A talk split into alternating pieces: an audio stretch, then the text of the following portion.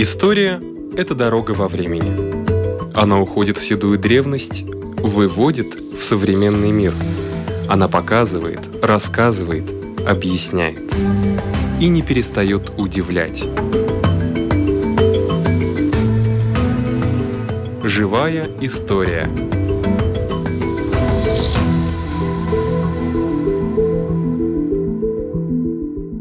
У микрофона Лидия Чера. 85 лет юбилей Эдгара Рачевскиса и 111 лет его матери, органистки Ольги Рачевской. Заведующая музеем Яна а Майра Валтера сказала, когда в дом-музей Яна А. Заходит дирижер Эдгар Рачевскис, кажется, что его энергия, это двухэтажное деревянное здание, слишком мало – его место на многотысячной эстраде праздника песни. Но почему он так часто бывает в доме Аккураторса? Об этом и расскажет Майра Валтере.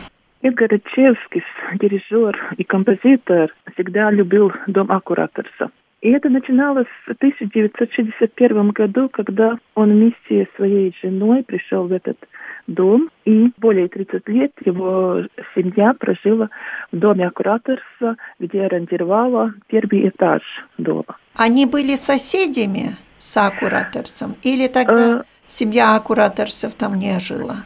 Дом принадлежал во время советской власти семье Аккураторса. В это время семья была жена Аккураторса Мария Анна, дочь Лайма и внук Янис Осис.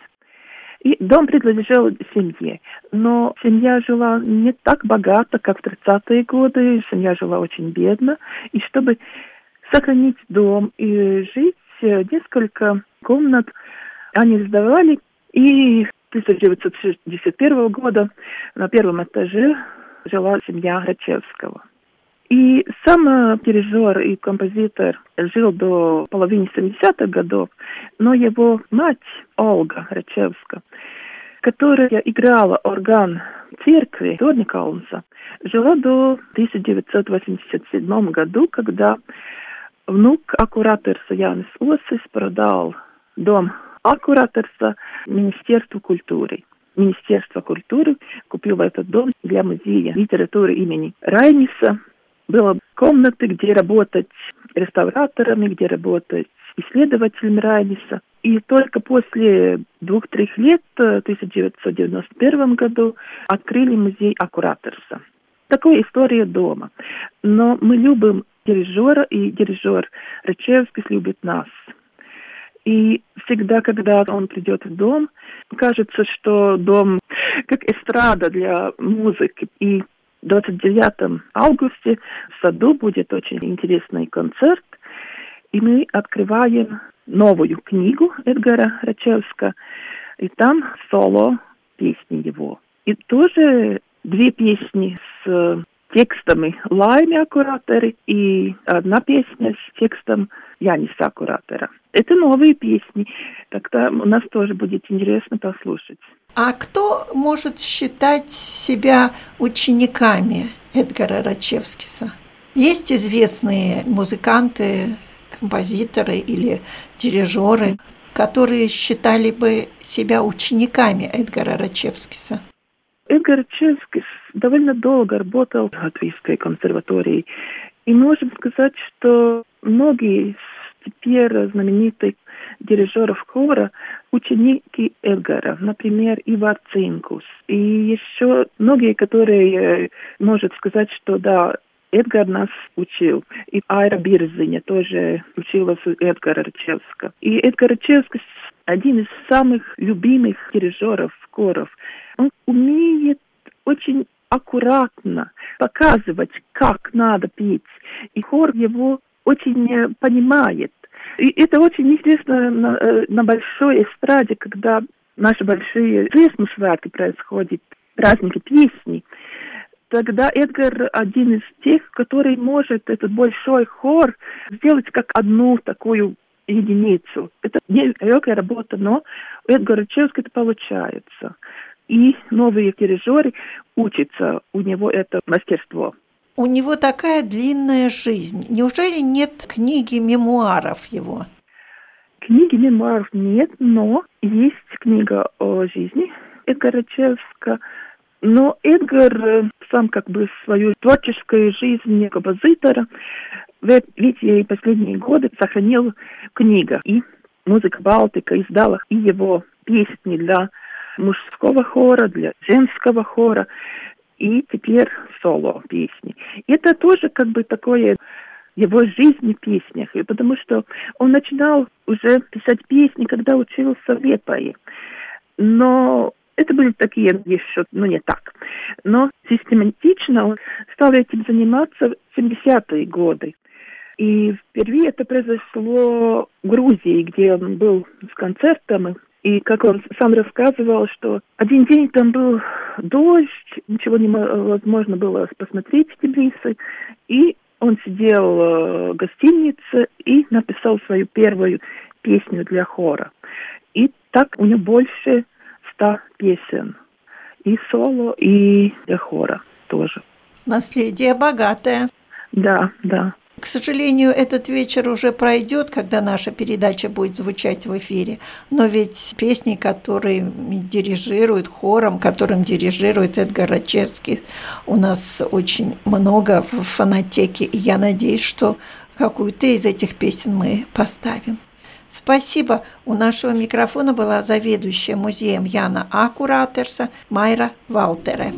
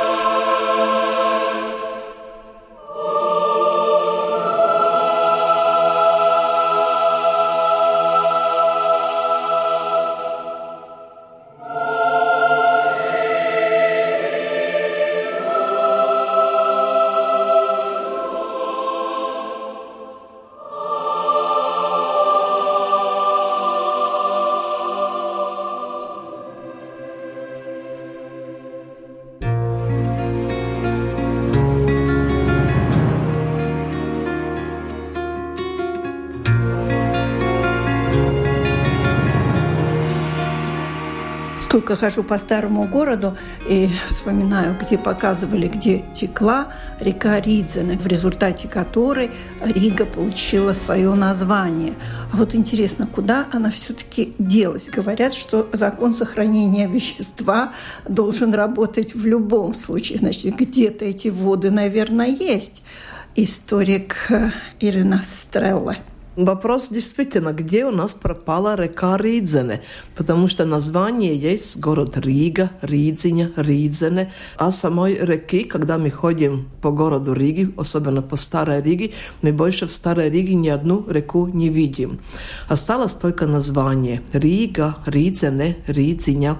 И река Ридзене, она никуда не пропала, ее просто засыпали, но это не значит, что она умерла, что ее полностью нет, потому что там, где она текла, там еще что-то происходит. Дома, которые построены на засыпленной реке Ридзене, очень часто им вымывают подвалы, очень часто там какие-то ручейки появляются, какая-то неизвестная вода. Дома ломаются, большие трещины появляются. Ну, как на болоте, потому что такую живую реку полностью засыпать и уничтожить, я думаю, что в природе это, наверное, невозможно. Это что, 18-19 век? И по какому поводу ее засыпали?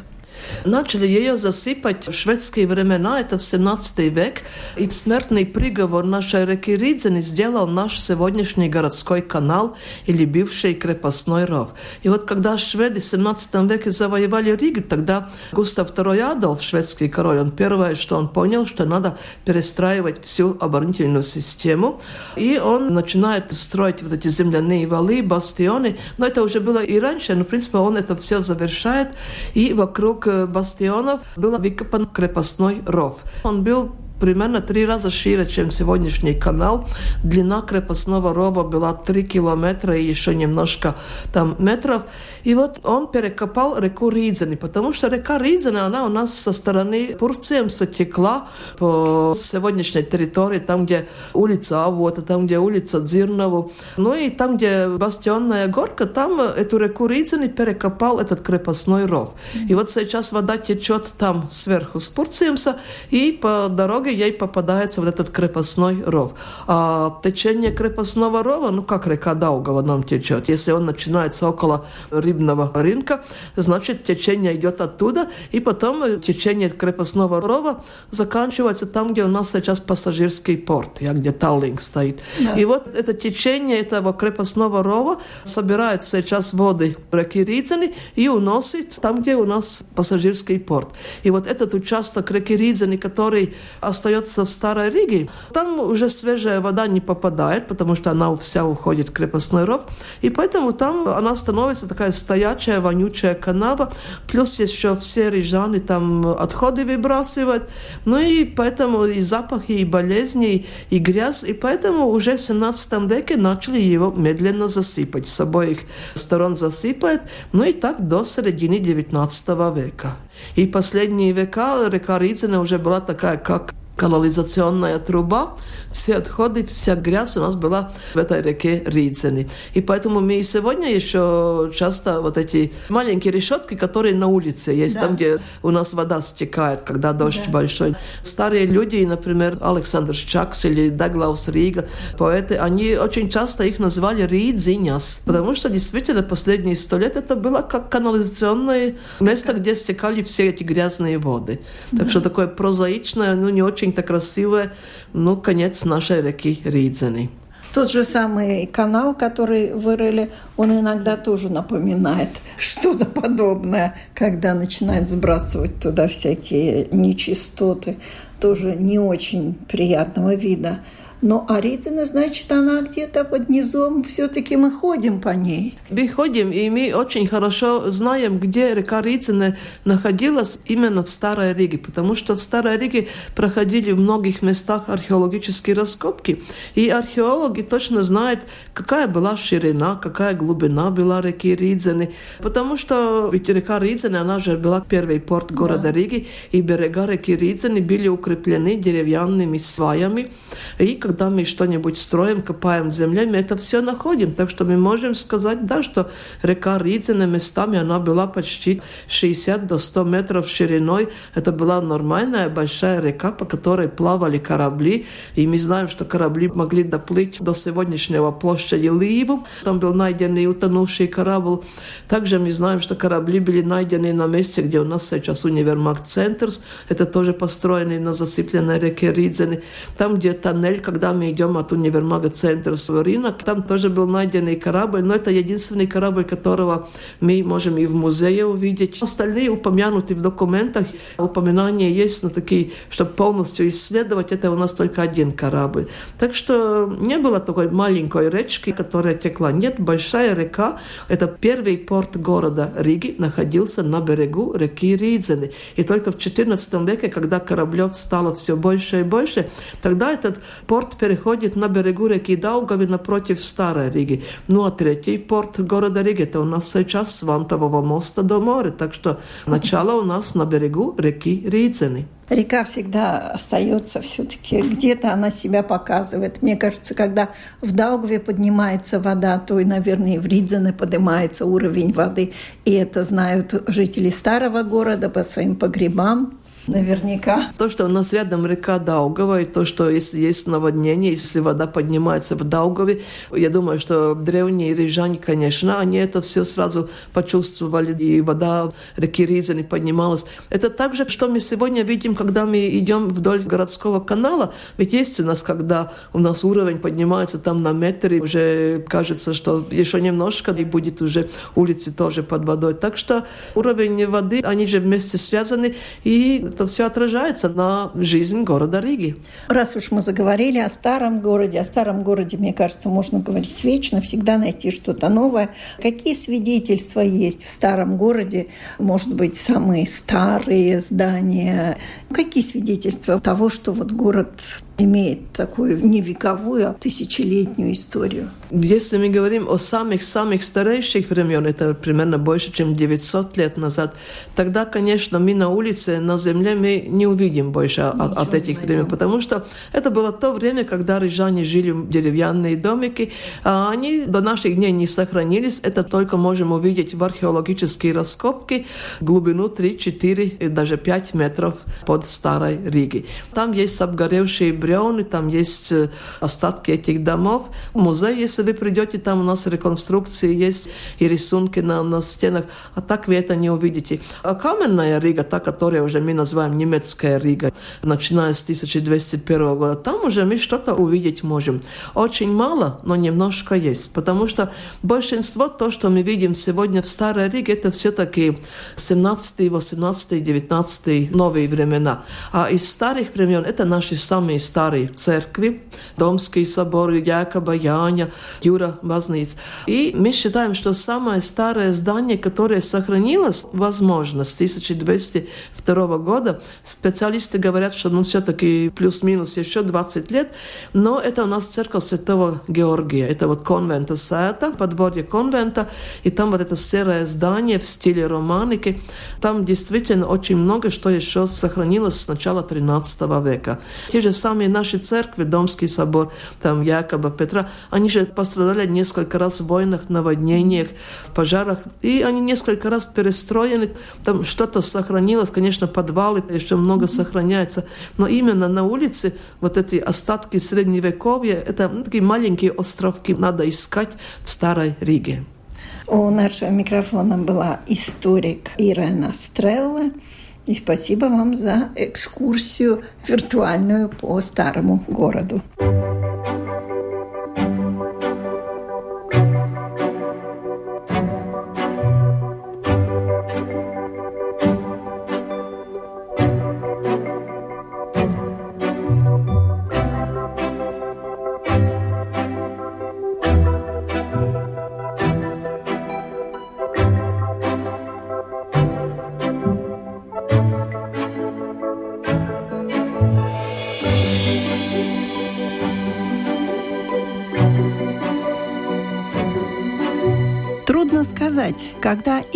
Человек впервые нанес рисунок на свою кожу. Самые древние татуировки найдены при раскопках египетских пирамид. Мумиям около 4000 лет, но рисунки на высохшей коже хорошо видны. При первобытно-общинном строе татуировка служила не только украшением, но и знаком племени, рода, а кроме того наделялась определенной магической силой – Женщины японских аборигенов Айну татуировкой на лице обозначали свое семейное положение. По узорам на губах, щеках и веках можно было определить, замужем ли женщина и сколько у нее детей.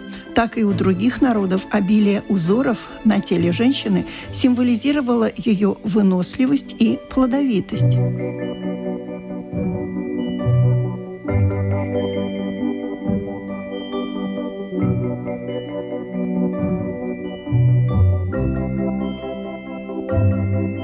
Однако магия тату использовалась не только дикарями. В XVIII-XIX веках британские моряки изображали на своих спинах огромные распятия в надежде, что это оградит их от телесных наказаний, широко практиковавшихся в английском флоте. У арабов самым надежным защитным талисманом считалась татуировка с цитатами из Корана. Во всех приведенных примерах татуировка так или иначе повышала социальный статус ее обладателя. В Древнем Китае одним из пяти классических наказаний была татуировка на лице. Также метили рабов и военнопленных, затрудняя им побег и облегчая их опознание. И греки, и римляне использовали тату для подобных целей, а испанские конкистадоры продолжили эту практику в Мексике и Никарагуа. Уже в нашем столетии, во время Первой мировой в Британии, татуировкой в виде буквы «Д» метили дезертиров. В Германии выбивали номера жертвам концлагерей. Да и в СССР в режимных лагерях практиковалось то же самое. Когда христианские миссионеры отправлялись в дальние страны обращать в свою веру дикие племена, моряки с их кораблей обзаводились там шикарными татуировками на память о путешествиях. Печально известный капитан Джеймс Кук внес наиболее весомый вклад в дело возрождения татуировок в Европе. Вернувшись из плавания в 1769 году, он привез в Таити не только само слово «тату», но и великого Амаи, сплошь инстатуированного полинезийца, ставшего сенсацией. И вскоре ни одно уважающее себя представление, ярмарка или бродячий цирк не обходились без участия знатного дикаря.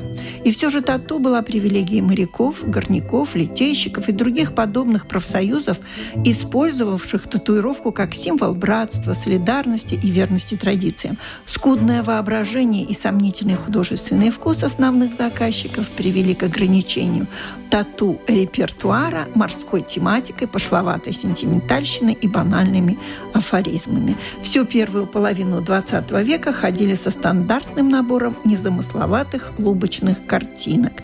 И в Латвии в это же время татуировки накалывали три слоя населения – моряки, зэки и проститутки.